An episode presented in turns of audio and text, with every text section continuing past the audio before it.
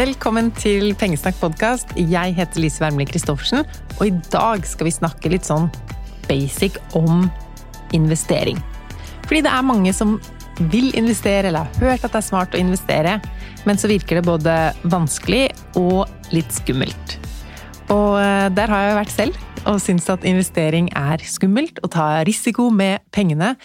Eh, men jeg tenkte jeg skal snakke litt i dag om hvorfor du bør tenke på å investere i fond. Og jeg sier bør fordi ikke fordi det er noe gærent om du ikke gjør det, eller ikke vil gjøre det, men skal du få pengene dine til å vokse over tid, så er investering i fond en fantastisk måte, hvis du tør å ta litt risiko. Jeg skal også snakke praktisk om hvordan du investerer, fordi det er mye enklere enn det mange tror. Du kan gjøre det hjemmefra, til og med på mobilen. Og det er jo kanskje flere grunner til å investere i fond.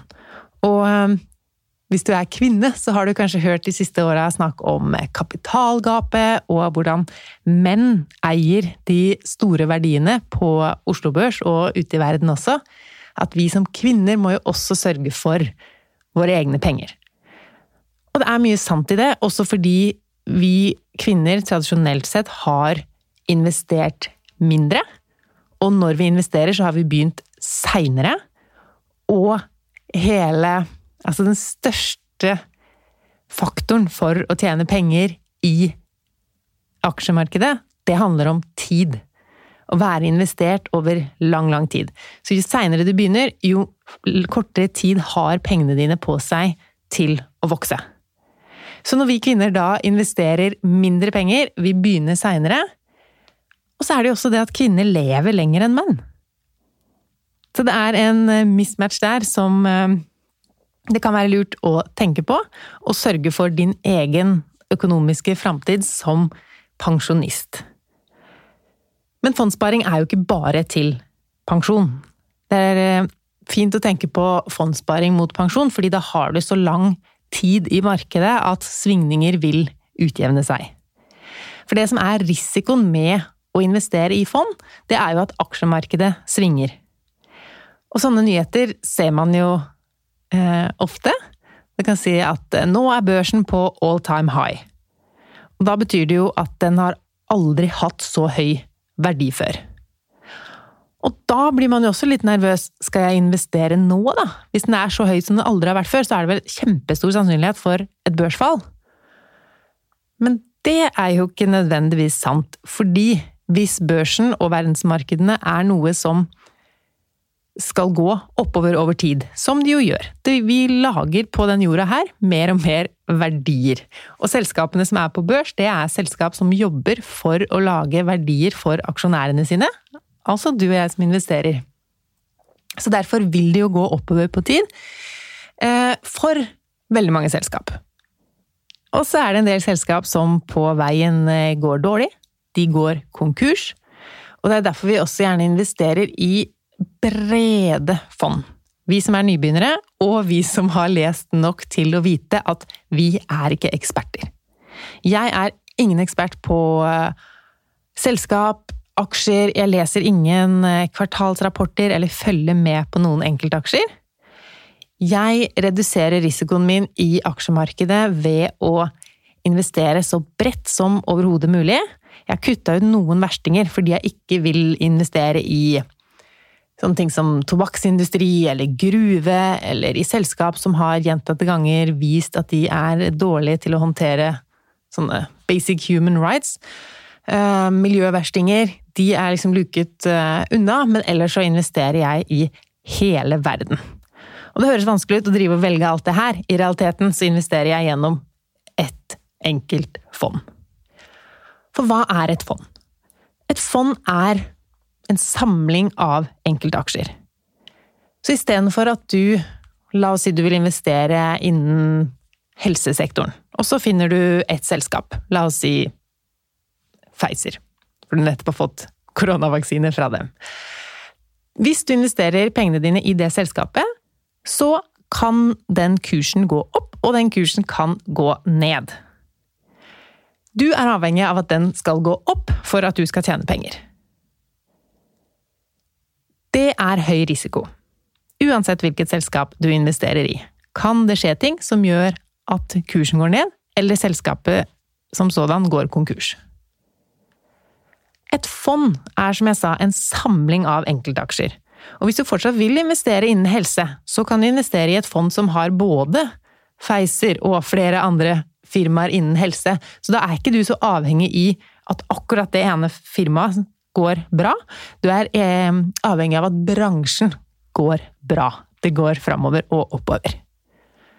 Hvis du ikke har en sånn sektor som er spesielt, at du tenker at teknologi er det jeg vil investere i, eller jeg vil investere i ja, en eller annen eh, geografisk, altså du vil investere i nordiske selskaper. Det fins utrolig mange aksjefond. Det fins faktisk flere fond enn det fins aksjer i markedet. Fordi man kan sette sammen selskap på så mange ulike måter. Og når man lager et fond, så består det av minst 16 selskaper, eh, og mange fond har flere hundre selskap i seg. Så derfor er det ikke sånn at du trenger å investere i flere forskjellige fond. Hvis du velger et fond som er over hele verden, innen mange bransjer, kanskje det holder. Så er det jo noe som heter aksjesparekonto. Og vi får begynne der, fordi når du praktisk skal inn og investere, så gjør du det gjerne via en aksjesparekonto. For noen år siden så kom den aksjesparekontoen for å gjøre det mer skattegunstig for oss å investere, eh, og for å gjøre at vi som enkeltpersoner eller forbrukere, investorer, ikke lager oss selskap å investere gjennom for å få bedre eh, skattebetingelser enn vanlig mann i gata. Så den aksjesparekontoen har noen fordeler, men det er ikke sånn at uh, Altså Greia med den, det som er fordelen, er at når du har satt penger inn i aksjesparekontoen, så fungerer aksjesparekontoen som tror jeg snakka om dette i en pod uh, før. Aksjesparekontoen fungerer som et slags hus for dine investeringer. Så hvis du legger masse penger inn i det huset, så er ikke de investert. De ligger bare der. Aksjesparekontoen er som en vanlig konto. Men inni det huset så kan du gå inn mange dører, og hver av de dørene er enten da en enkeltaksje eller et fond. Um, og det du kan gjøre som investor, er jo å kjøpe en aksje eller et fond, og så har du det i noen år. Og så tenker du kanskje at nei, nå har jeg heller lyst til å investere i en helt annen bransje. Eller nå har det kommet noe nytt og spennende, det vil jeg putte alle mine penger i. Så da går du ut den ene døra og inn en annen dør. Og før aksjesparekontoen fantes, når du gikk ut av én dør, så måtte du si fra til staten 'her er det jeg har tjent på mine investeringer', og så hadde de sagt 'ja takk, da tar vi en andel i skatt'. Nå kan du gå mellom dørene i din aksjesparekonto så mye du vil, uten at det utløser skatt. Så hvis du er en investor som du skal kjøpe et globalt indeksfond, f.eks., det er over hele verden og til en så lav pris som mulig, og det skal du investere 1000 kroner i hver måned i 40 år, du skal ikke gjøre noe annet med den investeringen, så er det ikke noe fordel for deg å være i aksjesparekonto. Er det verdt å ta den risikoen det er å investere i aksjemarkedet? Før så tenkte jeg nei, det er det ikke. Jeg vil ikke risikere mine penger, selv om det betyr at jeg kanskje tjener på det. Jeg er ikke der at jeg vil miste penger. Men så så jeg på en graf over aksjemarkedet som viste at den, det markedet har alltid gått oppover. Og hvorfor jeg er redd for at pengene mine skal være mindre verdt i morgen, det er jo egentlig en frykt som ikke er rasjonell i det hele tatt, fordi jeg skal ikke ta ut de pengene i morgen. Det første jeg ville hatt på plass før jeg starta å investere, det var en tanke om hvor lenge disse pengene skal være investert.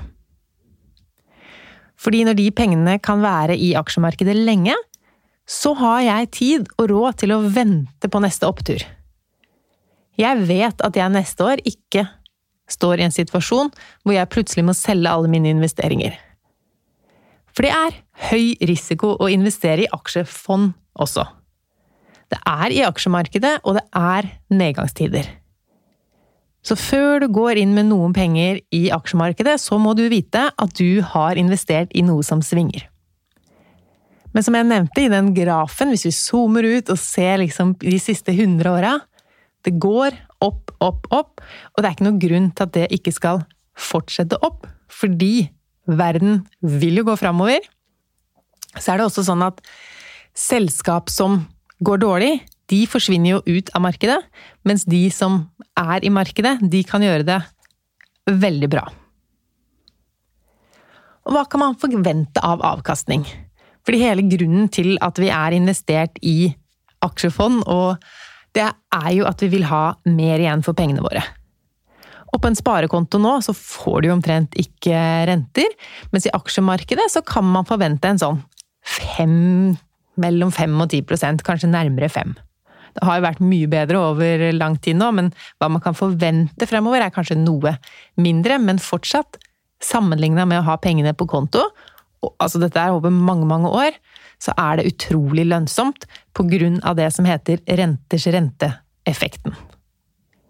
Og renters rente-effekten, det er jo det at når du har satt inn penger, så får du rente på det. Det er hvis du har det på en vanlig bankkonto.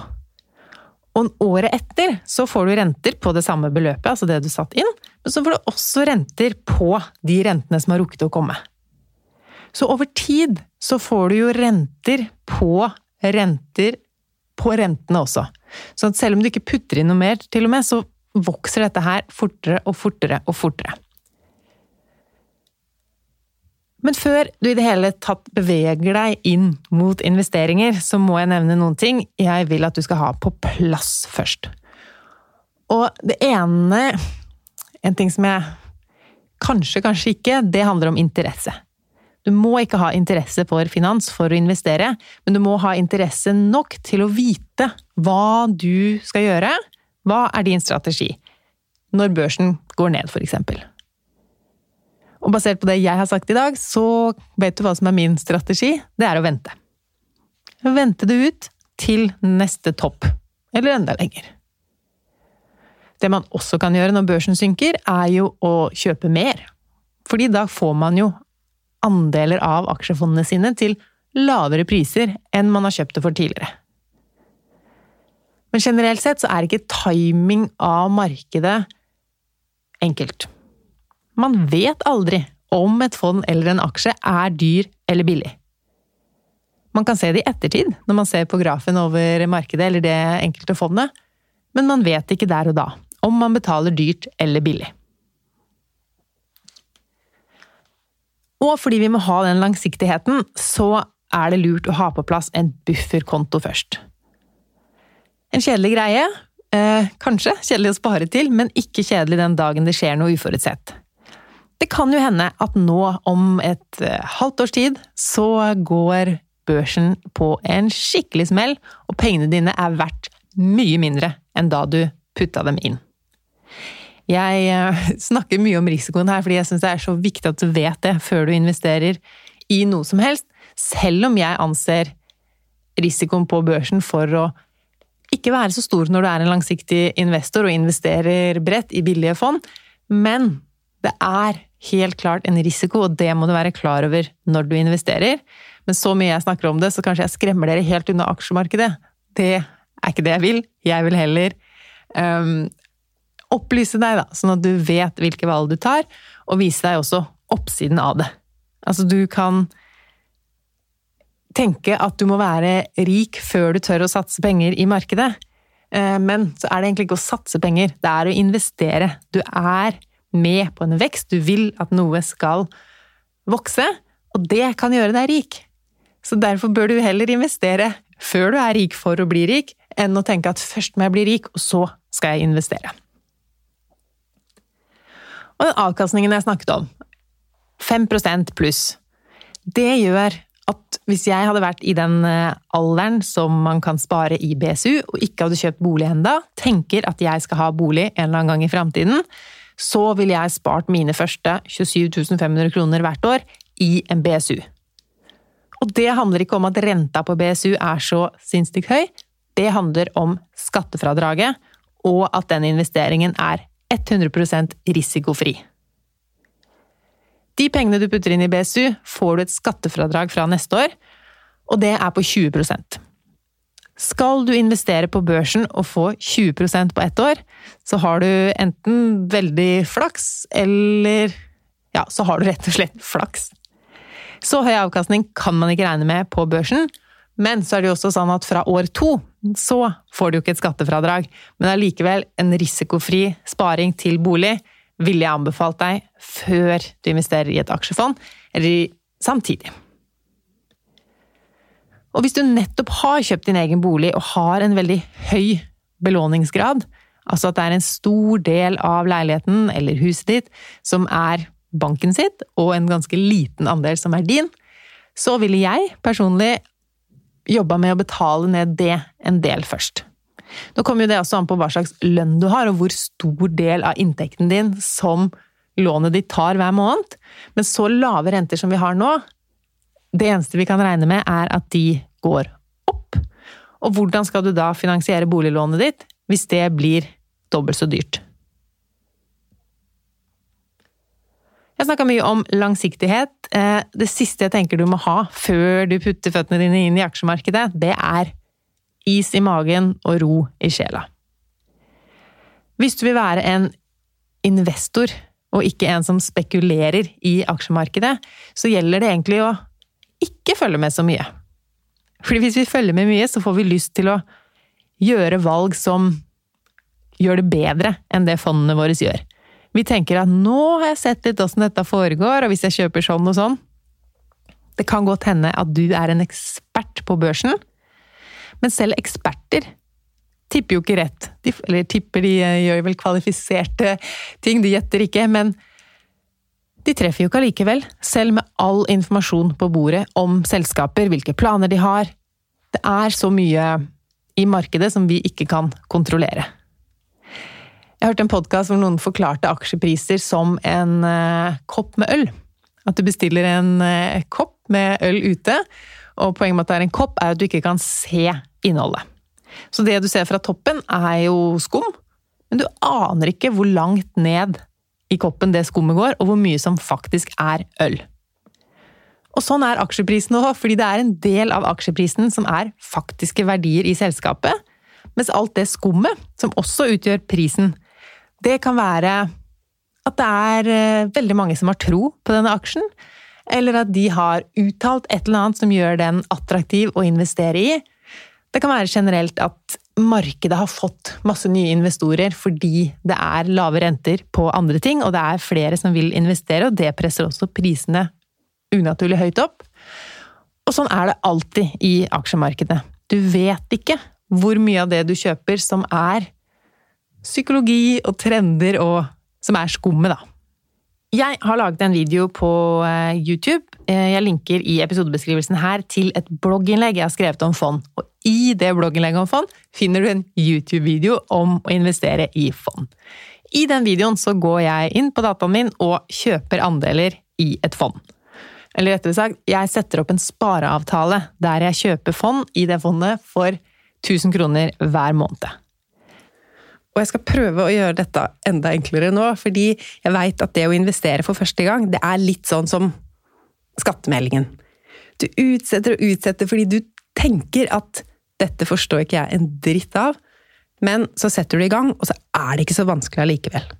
Så opprett en aksjesparekonto, og da kommer du til neste hinder. For det er flere hinder du må hoppe over før du kan kalle deg investor. For nå kommer du jo til spørsmålet hva skal du investere i? Hvilke fond er det som passer for deg? Nå skal jeg nevne noen fond, men da må du huske på igjen at eh, du må ikke følge mine råd helt ukritisk, fordi jeg er bare en person som investerer og driver og lærer meg om det her selv. Så hør gjerne på meg, men når det kommer til investering, så er ikke jeg en ekspert. Eh, så det jeg gjør nå, er vel mer egentlig å gjengi hva ekspertene typisk sier. Og de sier invester i et globalt indeksfond. Ofte så sier de som nybegynner investert i et globalt indeksfond. Og så ser man faktisk at de som tenker at nå er jeg ikke nybegynner lenger, nå vil jeg investere i enkeltaksjer, eller nå vil jeg ha litt mer spesialiserte fond, nå vil jeg gjøre sånn og sånn og sånn med pengene, så går ikke det nødvendigvis bedre. Så jeg vil si både til nybegynnere og erfarne grunnlaget i investeringa bør være globale indeksfond. Og så kan du heller ha noen, kall det lekepenger, som du kan tørre å gjøre litt mer spenstige ting med. Fordi det eneste negative med et globalt indeksfond, det er at det er kjedelig. Men det er jo også fordelen med det. Du trenger ikke å lese noen ting. Du trenger ikke å følge med noen ting. Du trenger bare å putte pengene dine inn. Men hva er et globalt indeksfond?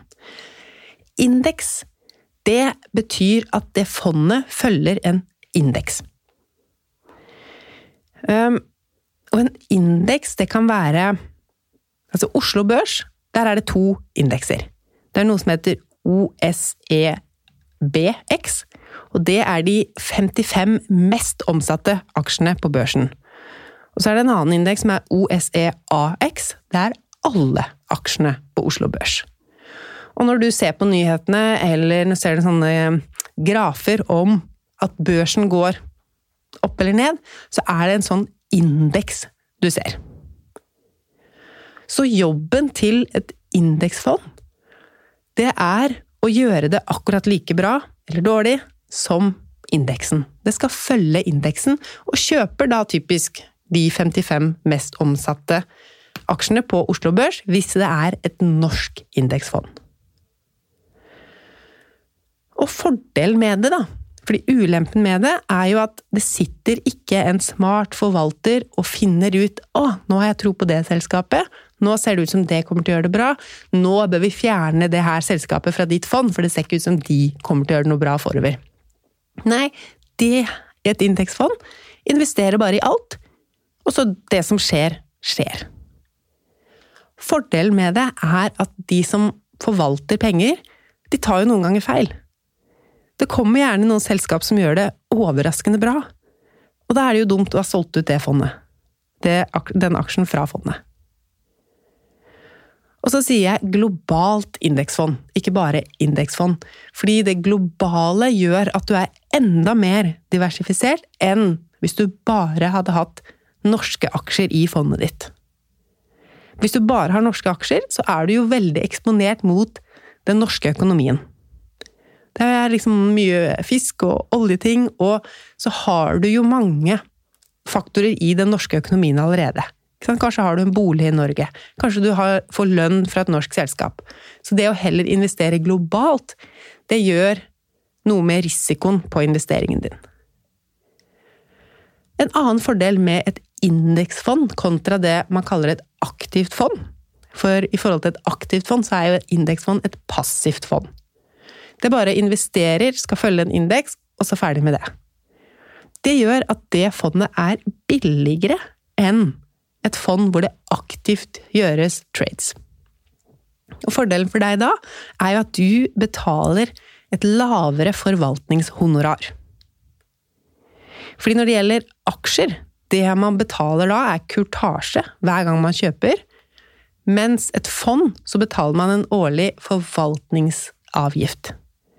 Og jo lavere den er, jo mer av pengene beholder jo du. Ok, så hvis du har lyst til å investere i noe annet, så kan du jo se Og så er det jo dessverre også sånn at selv om du har bestemt at yes, aksjesparekontoen er åpna, det jeg skal investere i, er et globalt indeksfond. Så går du inn for å gjøre det, og så merker du at det er flere av dem. Og så det er neste hinder. Finne ut hvilket globalt indeksfond du skal ta.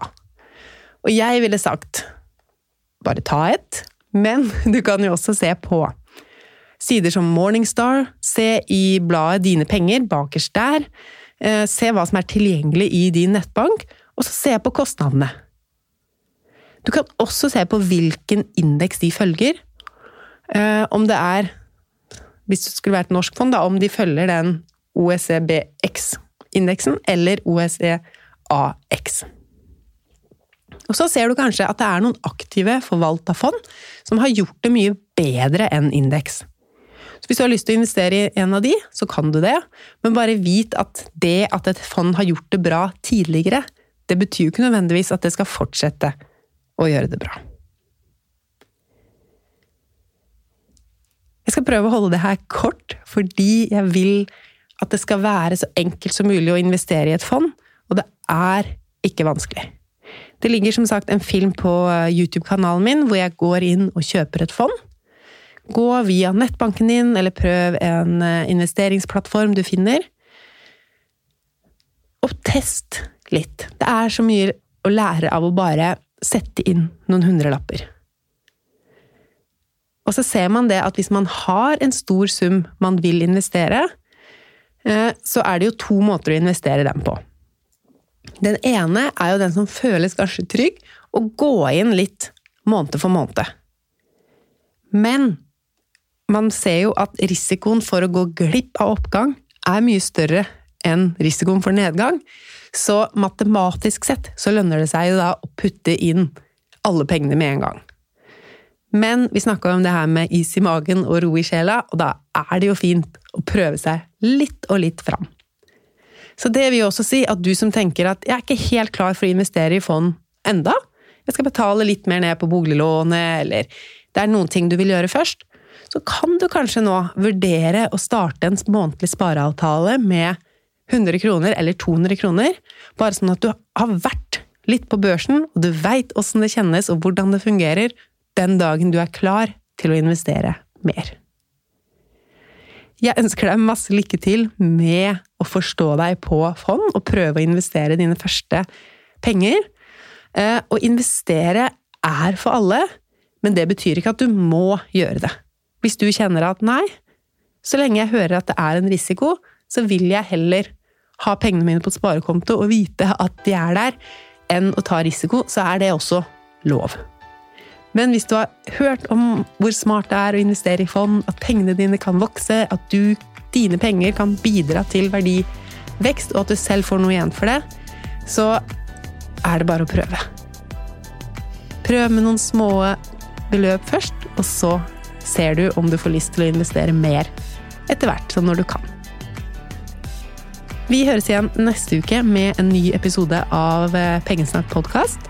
Det kommer også en ny YouTube-film på torsdag, og inntil da kan vi snakkes i eh, Facebook-gruppa vår som heter Pengesnakkerne. Ha det bra!